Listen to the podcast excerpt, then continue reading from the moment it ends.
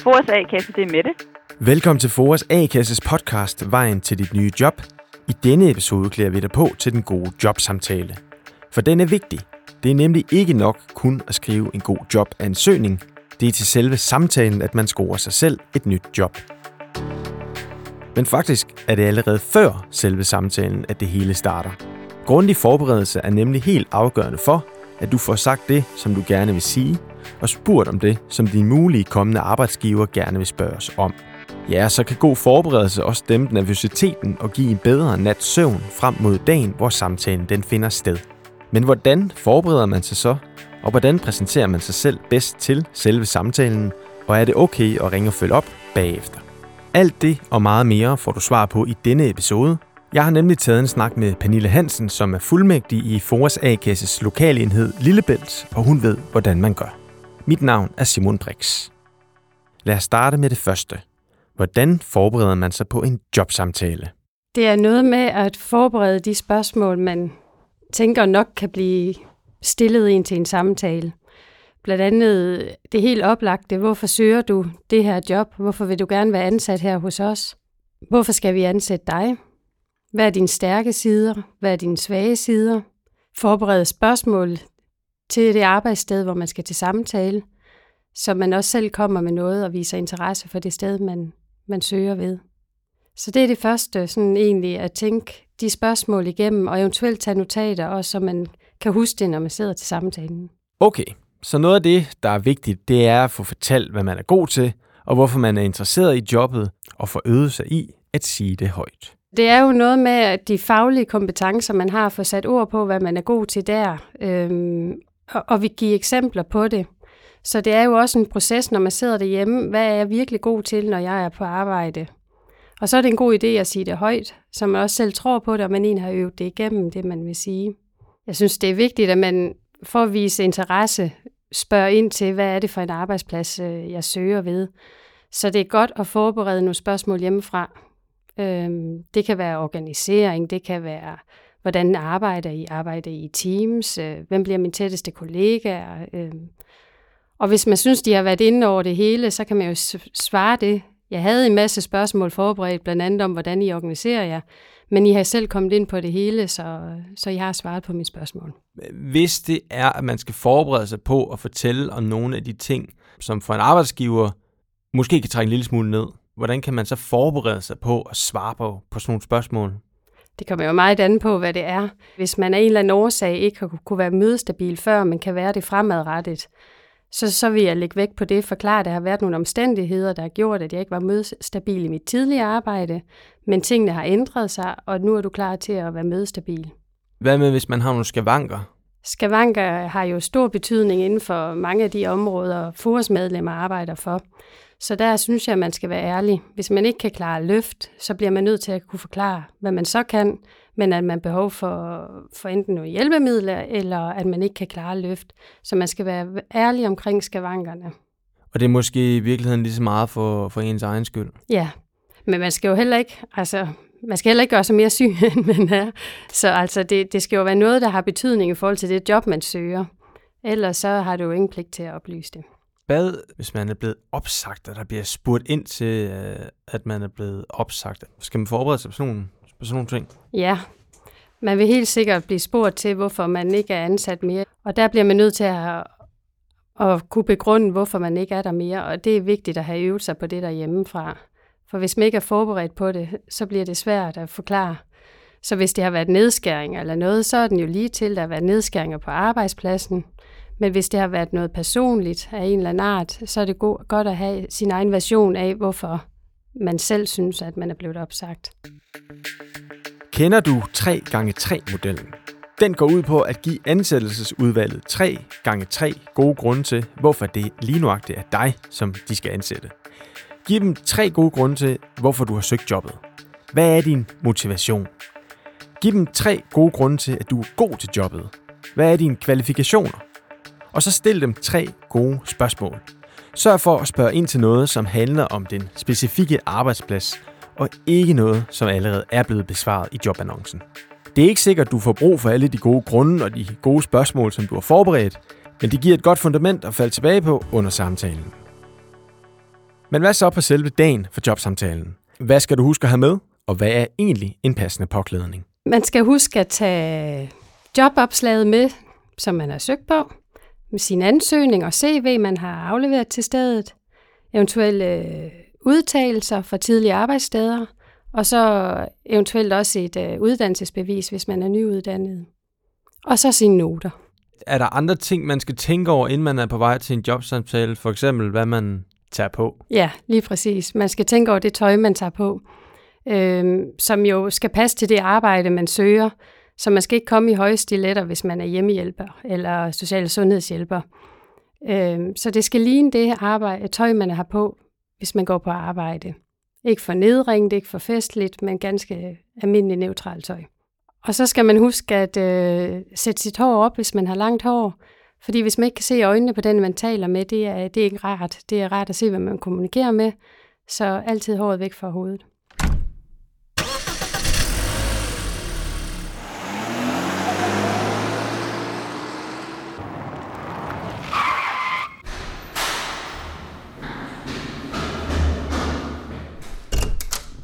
Velkommen. Så er man kommet til jobsamtale, og man træder ind af døren. Hvordan gør man en god entré? Man hilser på alle dem, der er med til samtalen, og giver hånd, og husker at have øjenkontakt. Og øh, håndtrykket, det skal helst ikke være for slatten og heller ikke for hårdt, så man må faktisk godt tænke over, hvordan man giver hånd, at det er et ordentligt håndaftryk. Hvorfor er det vigtigt? Det sender et signal. Det siger noget om personen, der kommer ind, at det er et ordentligt håndtryk. Hvis det er for hårdt, så, så tænker man over det, men man tænker også over et slapt håndtryk, at det er, at det er en, der er lidt tilbagetrukket eller, eller forsigtig. Tit så bliver, altså så siger man jo, at alt, at, man, at mennesker, vi danner det, et førstehåndsindtryk af hinanden inden for de første 20-30 sekunder. Så førstehåndsindtrykket er enormt vigtigt, når man går til samtale. Man skal være sig selv, alt andet bliver kunstigt og, og svært at opretholde. Man skal jo vise, hvem man er, lige så vel som de også skal vise, hvem de er, så det bliver et ordentligt match, og, øh, og kemien den, den bliver god. Man skal sørge for at være opmærksom på dem, der er til stede, og vise det engagement, at man gerne vil, vil ansættes der. Men at være opmærksom på alle, der sidder inde til samtalen, og kigge dem i øjnene også undervejs til samtalen. Hvor meget skal man snakke, og hvor meget skal man lade, lade de andre snakke? Det er altid øh, arbejdsgiveren, der, der starter indledningen og ligesom ligger, ligger oplægget til, hvad der skal foregå, og tager teten og stiller de første spørgsmål. Og så er det jo bare at svare på dem, og så egentlig lægge op til en dialog, og hvor man får sagt de ting, man har forberedt hjemmefra. Hvad gør man, hvis øh, arbejdsgiver stiller et spørgsmål, som man ikke helt forstår, eller måske ikke kan svare på?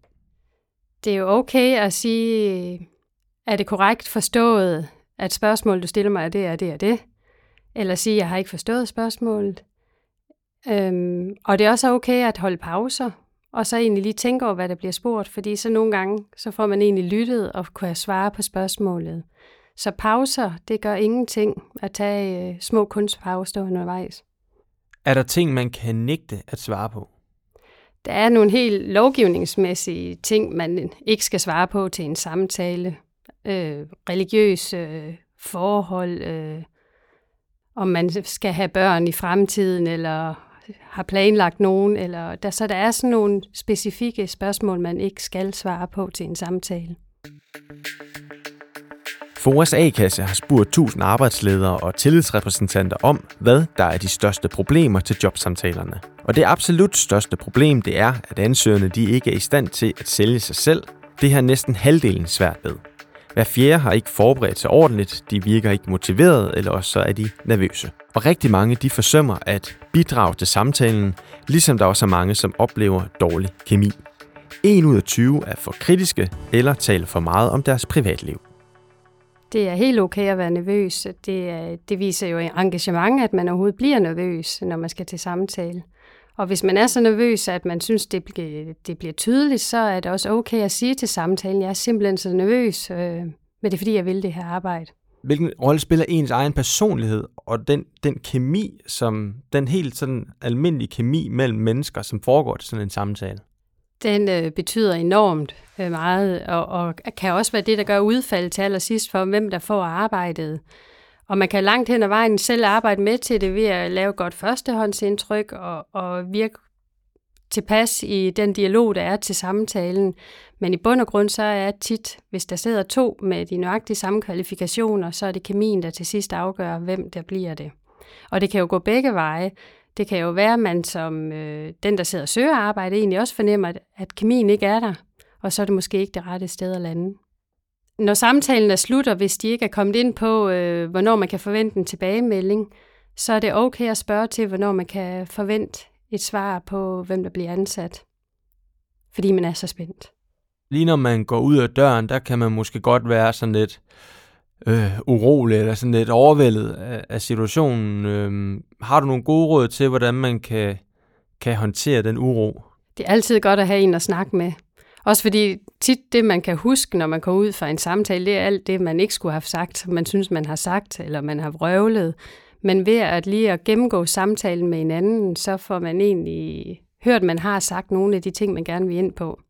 Hvis de har sagt, at vi vender tilbage torsdag, så ringer man ikke til dem før overhovedet torsdag er gået. Så må man have is i maven og vente. Men har man ikke hørt noget om torsdagen, så kan man godt fredag ringe og spørge til, om de er kommet til en afgørelse. Fordi man har gået og ventet spændt, og de sagde torsdag. Og hvis de nu har et godt svar, så er man jo bare glad og siger mange tak. Og hvis de nu har et mindre godt svar? Så synes jeg, man skal spørge ind til, hvorfor det ikke blev mig. Og det til at kunne bruge det til en fremtid, til næste samtale, man skal til, så er det rart at få noget kritik eller kommentar på, hvorfor det ikke blev dig. Godt. Det var utrolig meget information på kort tid om at forberede sig på en jobsamtale og at gå til samtalen og få fuldt op på den. Jeg bad Pernille om at sige det hele igen, men bare på et minut. Hold fast, for det kommer her. Som forberedelse, så øh, skal du øh, have tænkt over, hvorfor du gerne vil arbejde lige præcis der, hvor du søger. Hvorfor de skal ansætte dig. Dine kvalifikationer. Dine gode og dårlige sider. Og så skal du forberede eventuelle spørgsmål til arbejdsgiveren, øh, som du vil stille dem. Og så er det godt at have forberedt, hvem der skal være dine referencer, hvis de spørger ind til det. Så når du går på vej til samtalen, så øh, skal du huske alle dine papirer, din selve jobopslaget, ansøgning, du har skrevet, og dit CV, eventuelt uddannelsesbevis og udtalelser. Og så øh, selvfølgelig dine notater eller de noter, du har taget med hjemmefra. Skal du tænke over din påklædning, og se, have sat håret op i hestehale, hvis du har langt hår. Og under samtalen, så er det vigtigt at når du møder dem første gang, og give et ordentligt håndtryk, kig dem i øjnene, og ellers være til stede og lytte og opmærksom. Og så kan du, når samtalen er, er slut, spørge ind til, hvornår du kan forvente et svar på, hvem der bliver ansat. Efter samtalen er det altid en god idé at vende selve samtalen med en, du kender, så du lige kan få ro på og egentlig kan høre ved, at du gentager, hvad der er sket, at, øh, at du egentlig har fået sagt det, du gerne vil. Og så hvis det, de ringer og siger, at det bliver dig, der får jobbet, så er det jo bare at sige tak, og du glæder dig. Og ved et eventuelt afslag at spørge ind til, hvorfor det ikke blev dig, så du er klar til næste jobsamtale. Og med de ord er denne episode af Foras A-kasses podcast Vejen til dit nye job ved at være slut. Forhåbentlig kan du bruge flere af Pernille Hansens velmente råd. Husk, at hvis du har spørgsmål til noget af det, som er blevet omtalt, eller til andre dele af processen på vejen mod dit næste job, så sidder der altid en klar ved telefonen i Foras A-kasse. Vi er her nemlig for at hjælpe dig, hvis du har brug for os. Husk også, at der er andre episoder af denne podcast på Foras A-kasses hjemmeside og i din foretrukne podcast-app. Søg efter vejen til dit nye job. I episodebeskrivelsen til denne podcast, der finder du et link til pjæsen, sådan går du til jobsamtale. Mit navn er Simon Brix. Tak fordi du lyttede med.